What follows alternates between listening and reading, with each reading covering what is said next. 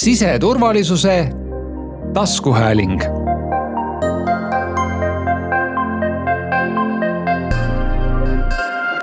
tere, kuulate siseturvalisuse taskuhäälingu järjekordset saadet. täna räägime umbes kolmveerand tundi lähisuhtevägivallast Eestis ja mujal. mina olen Kersti Ringmets siseministeeriumist ja minuga koos on täna stuudios lähisuhtevägivalla eksperdid. Kadri-Ann Lee siseministeeriumist, kes lisaks oma tööle siseministeeriumis annab loenguid ka Sisekaitseakadeemias ja Kaire Tamm, justiitsministeeriumi analüütik kes tegeleb igapäevaselt perevägivalla statistika ja analüüsidega. põhjus, miks me sellisel kaunil suvepäeval siin äh, stuudios oleme ja nii rasket teemat lahkame, on asjaolu, et õige pea, juba kahekümne neljandal ja kahekümne viiendal augustil korraldavad siseministeerium ja Põhjamaade ministrite nõukogu esindus Eestis koos partneritega konverentsi lähisuhtevägivallast lähedalt ja kaugelt konverentsile registreerumine on käinud täie hooga ja tänaseks enam saali kohta ei ole. Eh, kuid veebiülekandena on seda siiski võimalik kõigil huvilistel jälgida. konverentsi lingi, kust otseülekannet jälgida, leiab konverentsipäeva hommikul hiljemalt siseministeeriumi kodulehelt või Facebookist. siseministeeriumi koduleht on siis siseministeerium.ee. nii, aga Kadri-Ann ja Kaire teeme siis otsa lahti ja ma küsiksin alustuseks teilt veidi sellise laia ja võib-olla isegi intrigeeriva küsimuse, et miks? miks on lähisuhtevägivald see teema, millest ikka ja jälle rääkima peab? tere, rääkima peab tõesti, ja, ja väga mitmel põhjusel, et äh, ühest küljest on, äh, on, on mul no isiklikult väga hea meel, et perevägivalla teemast mõnes mõttes räägitakse päris palju. Et äh, see on saanud nii avalikkuses palju tähelepanu, spetsialistid omavahel sellest palju räägivad ja tegelikult ka inimesed, keda see noh, paljuski puudutab, äh, on ka ise muutunud väga aktiivseks nii, nii kannatanute poolt, aga ka tegelikult need, kes, kes on vägivalda toime pannud nii et see teema on aktuaalne, et see on, see on üks põhjus. aga teine, et mida me oleme näinud, et tegelikult ootused spetsialistidele perevägivalla teema puhul on, on päris palju kasvanud. ja see konverents annab tegelikult võimaluse nendel teemadel üheskoos arutada, kuulata, mida teistes riikides tehakse, mis on sellised uued suunad, uued mõtted. Ja, ja nii-öelda see annaks indu ka, ka Eestis spetsialistidele, et kuidas, kuidas veel paremini edasi minna. Ma olen nõus, mulle tundub ka, et lähisuhtevägivallast on viimastel aastatel ikka väga palju juttu olnud. ikka ja jälle ajakirjandus äh, kajastab ühte või teistpidi seda, aga ma vaatasin veidi statistikat ja mulle tundub, et need numbrid on kurvad ja vist lähevad aina kurvemaks, et Mm, ööpäevas saab politsei üle neljakümne lähisuhtevägivallast teatava kõne. ja eelmisel aastal lõppesid äh, traagiliselt äh, veel rohkemad intsidendid kui siis eelnevatel aastatel. et millest see on, et statistika justkui näitab, et olukord läheb halvemaks, kuigi me ju räägime ja tegeleme selle teemaga rohkem ja no statistika näitab meile võib-olla seda, et äh, inimesed lihtsalt teavitavad meid rohkem, et äh, kui siin kakskümmend aastat tagasi veel äh, perevägivald ei olnud isegi kuritegu. et siis lihtsalt, mida rohkem sellest räägitakse ja mida tõsisemalt riik seda võtab, seda rohkem ka inimesed leiavad selle jõu, et meid teavitada sellest. et see on üks põhjus kindlasti. teine põhjus on ka see, et ähm, et inimesed äh, tunnevad, et nad võivadki päriselt abi saada. ehk siis äh, teavitamise tagajärjel juhtub see, et või tekib võimalus äh, abistamiseks. et kui me ei tea nendest asjadest, siis me ei saa ka abistada. ja päriselt inimesed saavad ka abi täna riigilt et meil on olemas ohvriabisüsteem, meil on olemas naiste tugikeskused ja igalt poolt saab kvaliteetset abi. sealhulgas ka see, kuidas nendele juhtumitele reageeritakse, näiteks kui politsei läheb koha peale, kuidas kannatanutega räägitakse, mida tehakse toimepanijatega. et see kõik mõjutab ka teavitamist. olukorras, kus iga viies eh, eestimaalane on lähisuhtevägivallaga kokku puutunud siis äh, Kadri-Jan, sa ütlesid, et meil on päris head äh, tugisüsteemid välja kujunenud. aga kas nad on praegu juba piisavad, saame me öelda, et nüüd on kõik juba noh, super hästi või me tegelikult liigume kogu aeg veel paremas suunas. sest mulle tundub, et neid inimesi on nii palju, kas neid abistajaid piisab ja tõenäoliselt vajavad nad kõik ju väga individuaalselt äh, tuge no abistamisvõimalusi, mulle tundub, et meil läheb päev-päevalt aina paremaks nagu Eestis need abistamisvõimalused. aga kindlasti see ei ole piisav, et ähm, alati saab minna paremaks veel. ja, ja selle nimel tegelikult riigis ka kõik ametkonnad ja ministeeriumid töötavad ja see, seda näitab ka see meie sama konverentsi korraldus, et meil on kuus erinevat asutust äh, täna, kes ka konverentsi korralduses osalevad ja kõik panustavad sellesse. et äh, ja see ei ole, need ei ole ka ainsad asutused üldse, mis tegelevad Eestis selle probleemiga. ja kindlasti on meil kõigil see ootus, et me tahaksime veel paremini kõike teha ja selleks ka see konverents on üks lihtsalt võimalik äh, variant, kuidas inimeste teadlikkust suurendada, spetsialistide võib-olla ka oskusi parandada. et, äh, et kindlasti on meil veel minna. no kuidas nende spetsialistidega on, kas meil on neid piisavalt ja kas äh, nende ettevalmistus ja tugisüsteem nendele tegeledes päevast päevani raske süsteem, raske probleemiga. ma kujutan ette, et äh, neil endal on kohati võib-olla tuge või äh, nõuandeid vaja. et kas ne, see süsteem, kuidas meie abistajaid aitame, on meil välja kujunenud ja piisav? keeruliste teemadega tegelevad spetsialistid vajavad kindlasti nõu ja, ja tuge. kindlasti sellised esimesed märgid, et sellest avatumalt räägitakse, on juba toimunud aga ma julgen arvata, et, et siin on kindlasti veel palju teha.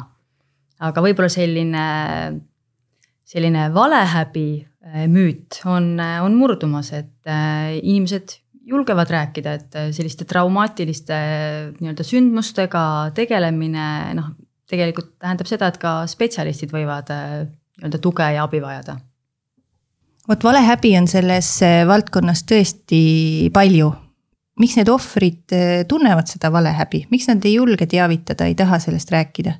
see on tegelikult hästi huvitav teema, sest et eh, mis tuli välja ka hiljutisest Euroopa Põhiõiguste Ameti uuringust, mis uuris seda, et kuidas erinevates Euroopa Liidu riikides Äh, on vägivalla ohvriks äh, langetud ja üks küsimus, mida seal uuriti, oli ka see, et äh, miks ohvrid ei anna endaga toimunud vägivallast, eriti partneri poolt toime pandud lähiva-, noh vägivallast teada. ja üks kõige sagedamini nii-öelda välja toodud põhjuseid oli see, et, et ohvrid arvasid, et et see ei ole nende arvates piisavalt tõsine probleem, ehk esines sellist noh, mõnes mõttes vägivalla pisendamist. et see ei ole võib-olla piisavalt tõsine, et sellest näiteks politseile teada anda või et nad suudavad kuidagi ise selle probleemi lahendada aga need vastused näitavad, et, et see on nagu hästi seotud sellise hoiakutega, et, et, et kuidas nii ühiskonnas laiemalt, aga kuidas ka, ka ohvrid ise näevad, et kas see, mis nende suhtes toime pannakse, kas see on vale, on see keelatud, on see taunimisväärne. nii et ma arvan, et et kui siin küsimus oli ka sellise valehäbi kohta, et, et siis ma arvan, et siin on tegelikult toimunud äh, nagu päris suur, äh, päris suur muutus, et. Äh, et ka sellest, et ollakse ohvriks langenud, julgetakse noh, oluliselt rohkem ja avalikult rääkida, et ma arvan, ka kakskümmend aastat tagasi meil ei olnud selliseid näiteid, kus ohvrid tulid oma näo ja, ja pildi ja, ja nimega avalikkuse ette ja, ja rääkisid nii-öelda oma, oma lugudest, mida me täna tegelikult, äh, mida me näeme ja mis väga palju julgustab teisi ohvreid ja millest ka tegelikult on meil konverentsil üks väike ettekanne, et äh, konverentsil tulevad ka kannatanud ise rääkima oma lugusid. aga kordaks siinkohal üle, et kui nüüd keegi kuulab ja tunneb, et äh, see probleem puudutab teda isiklikult ja ta ei ole sellest eh, kellelegi enne rääkinud. mida tuleks teha, kuhu pöörduda? kui tegemist on ikkagi vägivallajuhtumiga, siis loomulikult pöörduda politseisse. aga kui politsei tundub esialgu hirmutav, siis on olemas ka kriisiabitelefon üks, üks, kuus, null, null, kuus eh, kus vastavad eh, nendele kõnedele psühholoogid ja kriisinõustajad, kes aitavad natuke neid olukorda, olukordi mõtestada võib-olla annavad kannatanule ka julguse pöörduda siis kas ohvriabitöötaja poole või siis juba politseisse et äh, tegelikult on ka võimalus helistada otse oma piirkonna ohvriabitöötajale või pöörduda naiste tugikeskustesse. et kõik need infod on olemas äh, internetis. kodulehekülg on palunabi.ee kust leiab kõik vajalikud materjalid ka selle kohta, mis on vägivald, kuidas seda ära tunda ja kuhu poole siis pöörduda, kui, kui tekib selline, selline tunne, et nüüd on vaja abi. aga mida saab riik teha nende ohvrite heaks, kes ei tee seda esimest sammu, kes ise ei pöördu kuhugi? sellepärast ongi hästi oluline, et, et mitte ainult need asutused, kes otseselt ohvritega kokku puutuvad ja politsei ja teised õiguskaitseasutused on hästi teadlikud, kuidas vägivalda märgata, vaid ka tegelikult hoopis laiem ring asutusi keda võib-olla inimesed äh, esmapilgul ei, ei oskagi seostada, et kust võiks abi tulla. et me ka täna aina enam räägime sellest, et äh, kuidas tervishoiuasutused, erinevad sotsiaalhoolekandeasutused, äh, noorte puhul ka näiteks noortekeskused või kool, et, et ka nendel on tegelikult väga suur roll, et märgata ja et julgustada ja mõnes mõttes rääkida sellest, et noh, et ka noored inimesed ise ei, ei hakkaks seda vägivalda kuidagi normaliseerima nii et, äh, et mõnikord võib selline julgustav sõna äh, kas näiteks perearstilt või õpetajalt või kooli huvijuhilt või, või miks mitte treenerilt noh, olla selliseks äh, nii-öelda, nii-öelda, mis, mis vallandab ka selle julguse tegelikult nagu asutuste poole, poole pöörduda. Ja muidugi ka inimeste lähedased, kes võib-olla märkavad, et mõne hea sõbra või naabriga on miskit juhtunud. võib-olla on ta jäänud väga vaikseks, on võib-olla isoleerunud äh,. ei, ei, võib-olla ei helista enam nii tihti või ei käi äh, enam sõbrannadega väljas. et mõned sellised märgid on need, mis võiks mõtlema panna. et äh,, et äkki on seal peres miskit, mis vajab tähelepanu ja kui äh, lähedased äh, võib-olla osutavad sellele, siis leiab ka see kannatanu selle julguse pöörduda ja ma siinkohal lisan, et, et need numbrid, millest äh, Kadrian enne rääkis, et äh, julgustame ka, ka lähedastel äh, nende, neid kasutama ja, ja nõu küsima, et kui on mõnel kahtlus näiteks, et kas mõni lähedane on, on vägivalla ohus, siis, siis ka nemad võivad julgesti pöörduda ja, ja küsida nõu, et kuidas sellises olukorras saaks ohvrit kõige paremini aidata. kas meil on ülevaadet, kas siin aastatega on äh, lähedased äh, rohkem märkama hakanud? aastatega on üldiselt need numbrid sinna üpris samma kanti jäänud, ma pean ütlema, et, et äh, eelmisest, viimatisest statistikast on mul meeles et, umbes kümme protsenti kõnedest tuleb naabritelt ja lähedastelt. see võiks olla suurem, et enamik kõnesid muidugi teevad kannatanud ise ja, ja tuleb teavitusi ka teistelt spetsialistidelt, aga ma arvan, et inimesed äh, võiksid olla võib-olla natuke rohkem tähelepanelikumad äh, sellest, mis toimub nende ümber. Äh, mis toimub naabrikodus, et kui on ikka kisa ja kära, siis on mõistlik see politsei kutsuda. ja vaadata lihtsalt selle, selle pilguga, et kõik oleks turvaline. ma vaatasin seda konverentsi kava ja me räägime hästi palju kannatanutest, mis on äh, loomulikult õige, sest nad vajavadki abi ja tuge. aga selles lähisuhtevägivallas on alati see teine pool ka, see vägivallatseja. ja minul on tunne, et kui me nendega üldse ei tegele, et äh, siis nad leiavad mõne uue partneri ja võivad jätkata oma seda käitumismustrit. ja vaatan, et Norrast tuleb konverentsile rääkima Marius Rakili, kliiniline psühholoog, eh, kes eh, juhib just eh, vägivallatsejatega töötavat keskust. kuidas meil Eestis selle poolega olukord on? Nii nagu kõikide muude vägivallateemadega Eestis, et jällegi aasta-aastalt palju paremaks läinud, et viimased aastad on tõesti keskendutud ka rohkem vägivallatsejatele ja vägivalla toimepanijatele. ja pakutakse ka neile tuge. ma saan siin ühe näite, näite tuua näiteks meie politseisüsteemist, kus praegu katsetatakse sellist meetodit, et esmakordselt kinni peetud vägivalla toimepanijatele pakutakse juba arestimajas siis nõustamisvõimalust nõust. ja selle tulemused on seni olnud väga äh, positiivsed äh,. ütleme, kolm neljandikku on koheselt nõus nõustamisega ja kohe nõus ka sealt mida, minema edasi abistavate organisatsioonide poole. mis ju näitab, et tegelikult ka need inimesed vajavad tuge, vajavad tuge oma käitumise muutmisel. ja, ja vajavad seda, et keegi neid ka kuulaks. Et see on, ma arvan, suured positiivsed sammud selle suunas, et me nagu mõlema osapoolega töötame vägivaldse käitumise muutmisel ja selle näite puhul on, on väga hea see, et püütakse sekkuda oluliselt varem. et kui seni on vägivallatsejatega rohkem tehtud ehk tööd vanglasüsteemis, kus on juba aastaid olnud programmid vägivalla toimepanijatele aga et noh, küsimus on olnud, et kuidas tegelikult jõuda noh nendeni, kes ei jõua täna vanglasüsteemi. Ja, ja noh, selles mõttes on väga hea nii-öelda uus teenus, mille lõi Sotsiaalkindlustusamet, on nii-öelda infoliin vägivalla toimepanijatele. Ja, ja ka vanglasüsteemis on hakatud aina enam koostööd tegema nii-öelda infoliini nõustajatega et ka vägivalla toimepanijate lähedased saaksid samamoodi sellelt, sellelt telefoninumbrilt äh, nõu küsida tahaks öelda ka seda, et tegelikult äh, vägivaldne käitumine kujuneb, eks ole, väga varakult inimesel ja need äh, vihaga toimetulemine õpitakse juba lapsepõlves et seetõttu on hästi oluline, et me panustaksime ka sellesse käitumise ja ähm, sotsiaalsete oskuste äh, kujunemisesse juba lapseeas. et ähm, juba lasteaias on väga oluline see, kuidas me räägime vägivallast ja milliseid oskusi me õpetame lastele, rääkimata siis koolieast.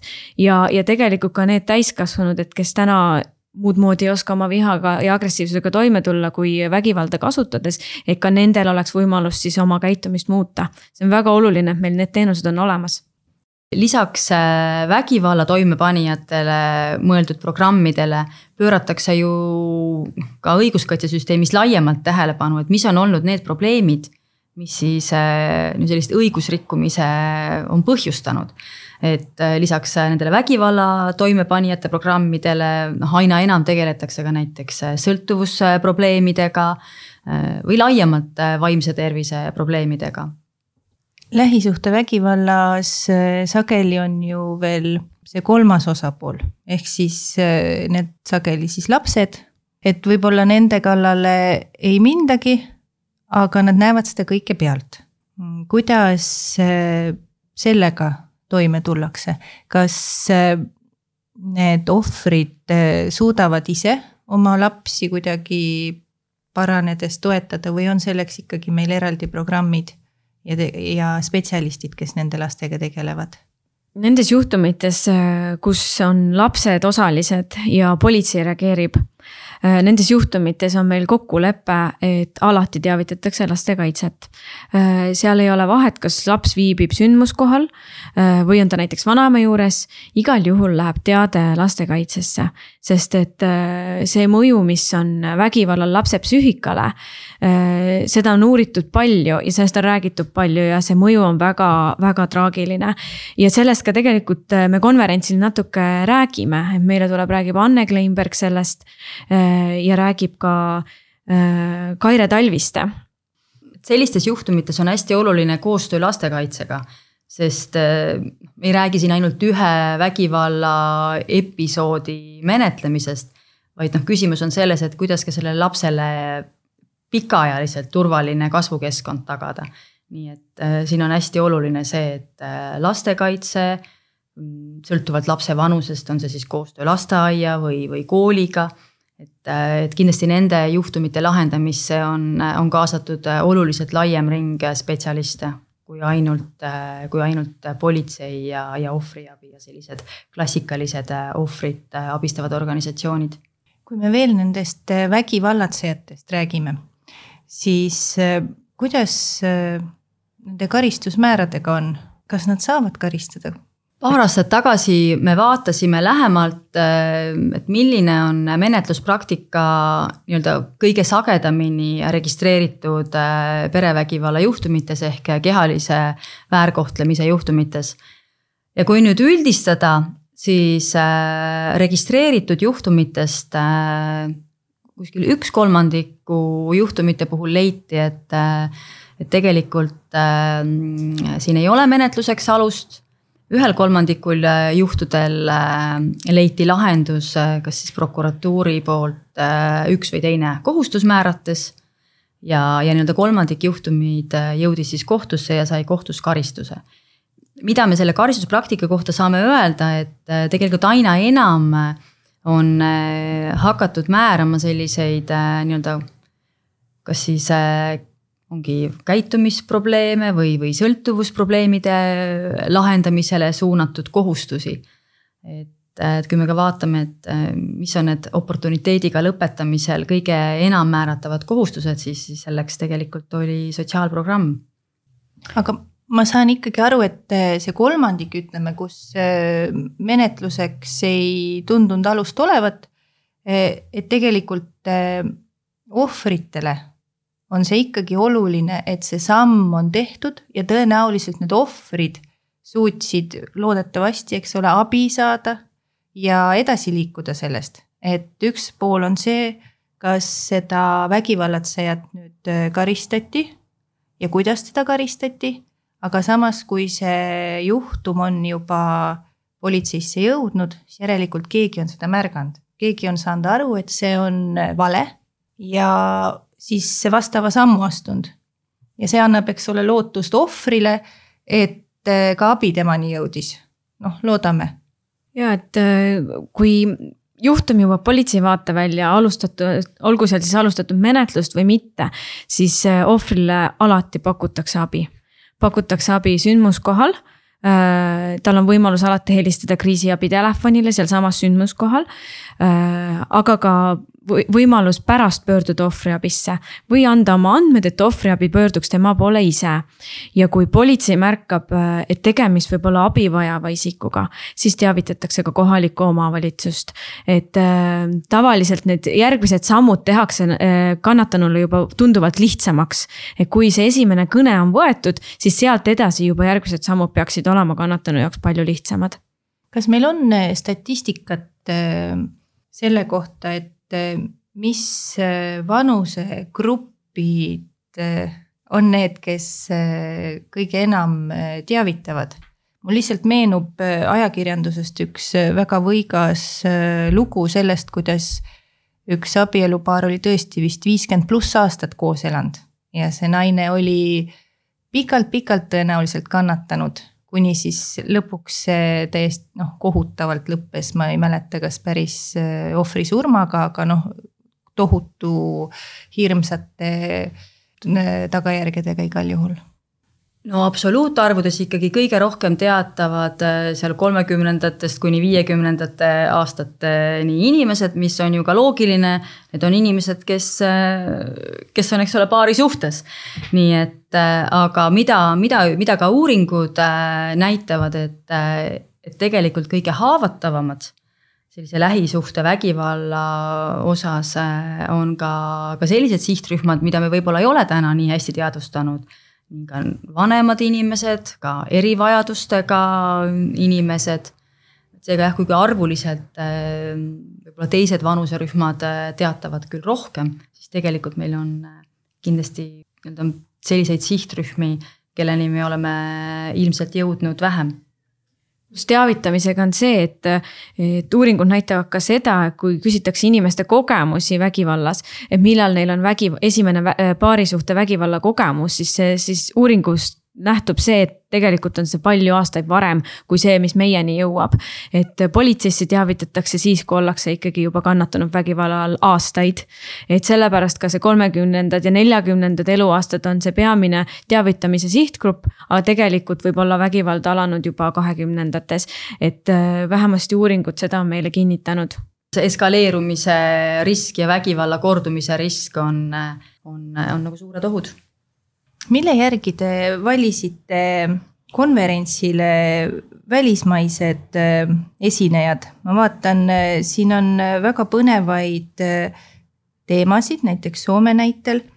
Mm, mis, kus esmapilgul tundub, et äkki see meie väikses Eestis ei ole oluline või siiski on? Soomes tuleb meile enda kogemusi jagama Ujun Ahmet, kes äh, räägib eeskätt teisest kultuuriruumist äh, pärit inimeste nii-öelda kokkupuutest vägivallaga, kogemustest, kuidas nad on abi saanud tema kogemused äh, Soomes on seotud äh, eeskätt äh, naiste suguelundite moonutamise ennetamise teemaga. nii et tema räägib just sellest, et siis kuidas teises, teise kultuuritaustaga inimesed tegelikult saavad abi kätte.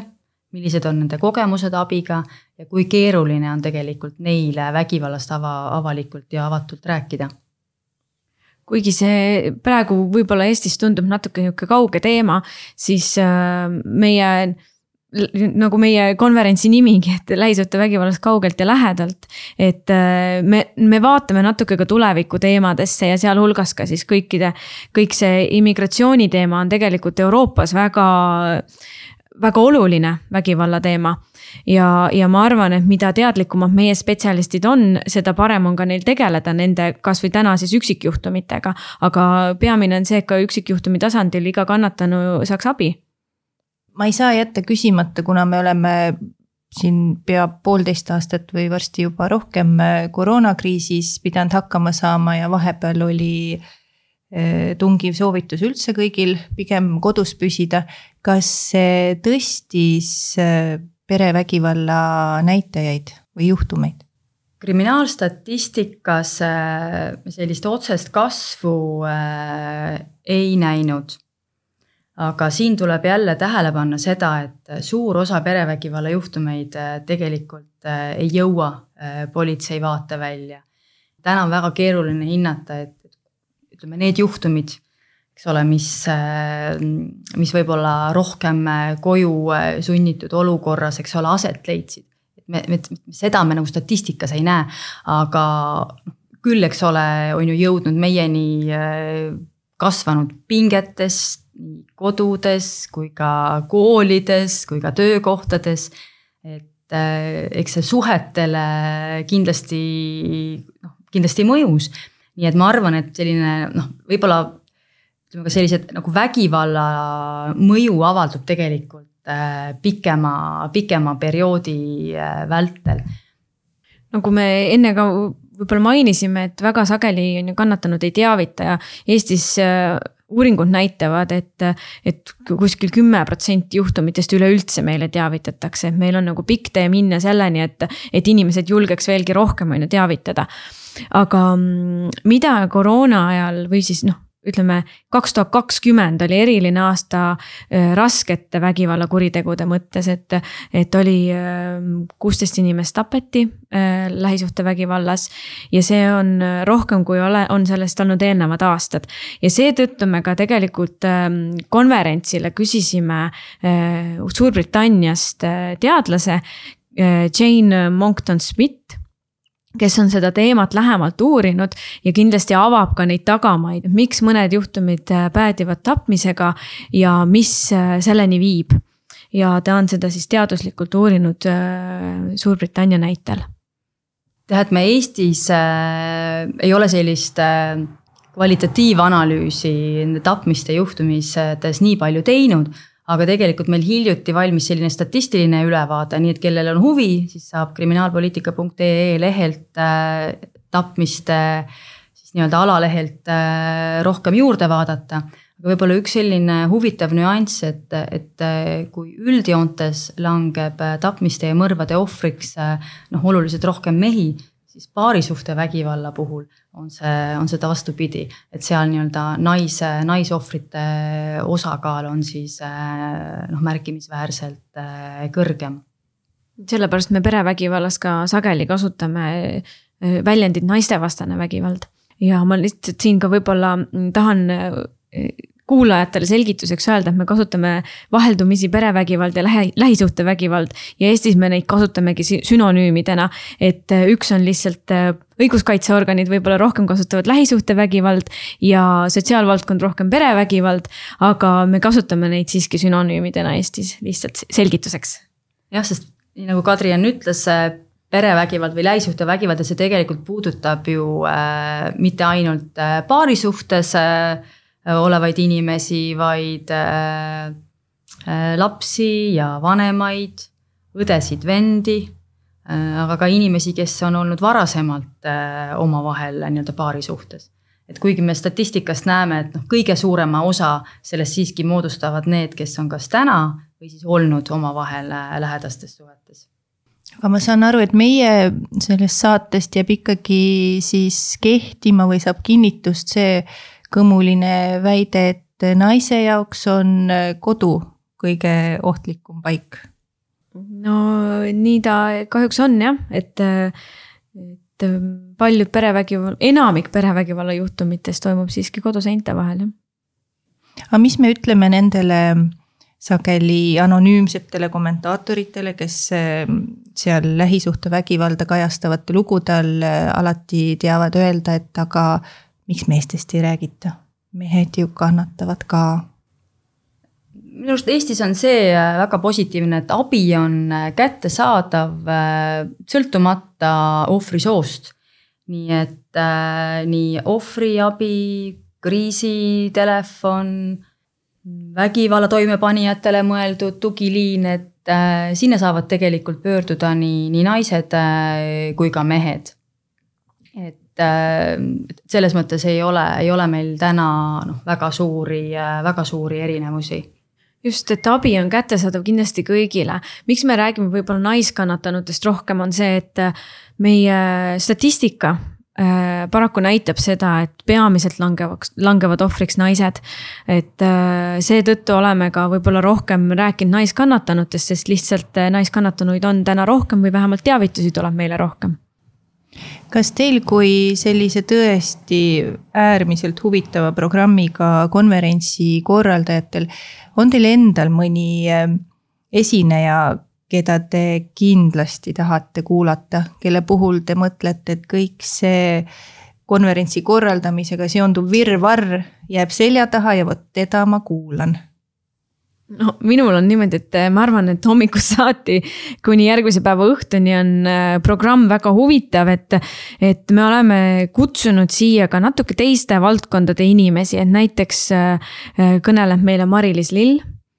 Äh, näitleja, lavastaja, kes on lavastanud siis lugusid teisest toast Äh, ja see, sealt oma kogemusi meile jagab. samamoodi on meil näiteks Annika Laats, kes on äh, ka teisest valdkonnast, äh, aga sama näeb, esitab meile oma nägemuse perevägivallast ja, ja, ja need spetsialistid Eestist ja mujalt ma arvan, et igaühte võiks jälle ja veel kuulata, et isegi kui me oleme kuulnud mõnda Eesti kõnelejat juba varasemalt, siis kindlasti avab ta sellel konverentsil mõne uue ukse või uue nüansi, et kuidas seda lähisuhtevägivalda enda jaoks mõtestada.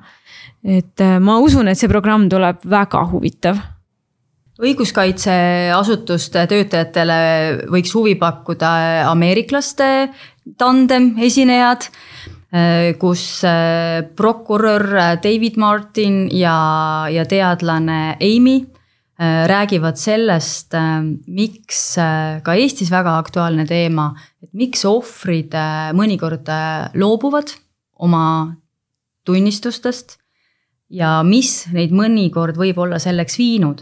et nad on aastate vältel uurinud Ameerikas seda, kuidas vanglast nii-öelda kinnipeetavad mõjutavad oma nii-öelda vaikivate telefonikõnedega kannatanuid, nii et, et nad äh, räägivad siis oma kogemusest äh, ohvri mõjutamisest ja, ja mis on nii-öelda need tulemused äh, ka menetluses õiguskaitsele ja tegelikult ka mitte ainult õiguskaitsele, vaid ka näiteks äh, tervishoiu äh, arstidele ja, ja mm, perevägivallaga tegelejatele üleüldiselt. võiks huvi pakkuda ka Rootsis Tiina Holmbergi ettekanne ähm, nõusoleku seaduse teemal, et äh, ka Eestis päris palju nüüd kõneainet pakkunud seksuaalsuhete nõusolek, et Rootsi spetsialist Tiina Holmberg tuleb sellest siis meile ka kõnelema meie meie konverentsil aga ma saan aru, et need, kes nüüd äh, saali ei pääse, et kohad on äh, piiratud.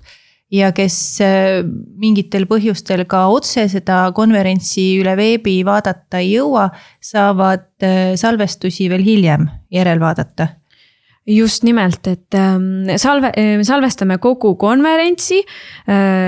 muidugi soovitame kohe otseülekandes jälgida kogu konverentsi, aga need, kes ei saa, need saavad siis järelvaadata ja see läheb ülesse Youtube'i ja selle info saab ka siseministeeriumi kodulehelt ja sealt äh, Facebooki äh, sündmuse alt siis.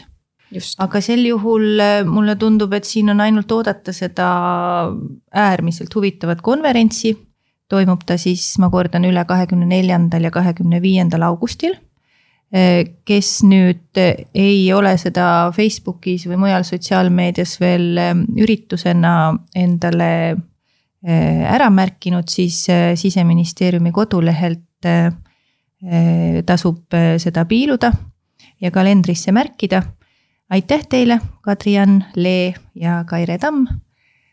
suurepärase, huvitava ja väga puudutava vestluse eest. aitäh. aitäh. siseturvalisuse taskuhääling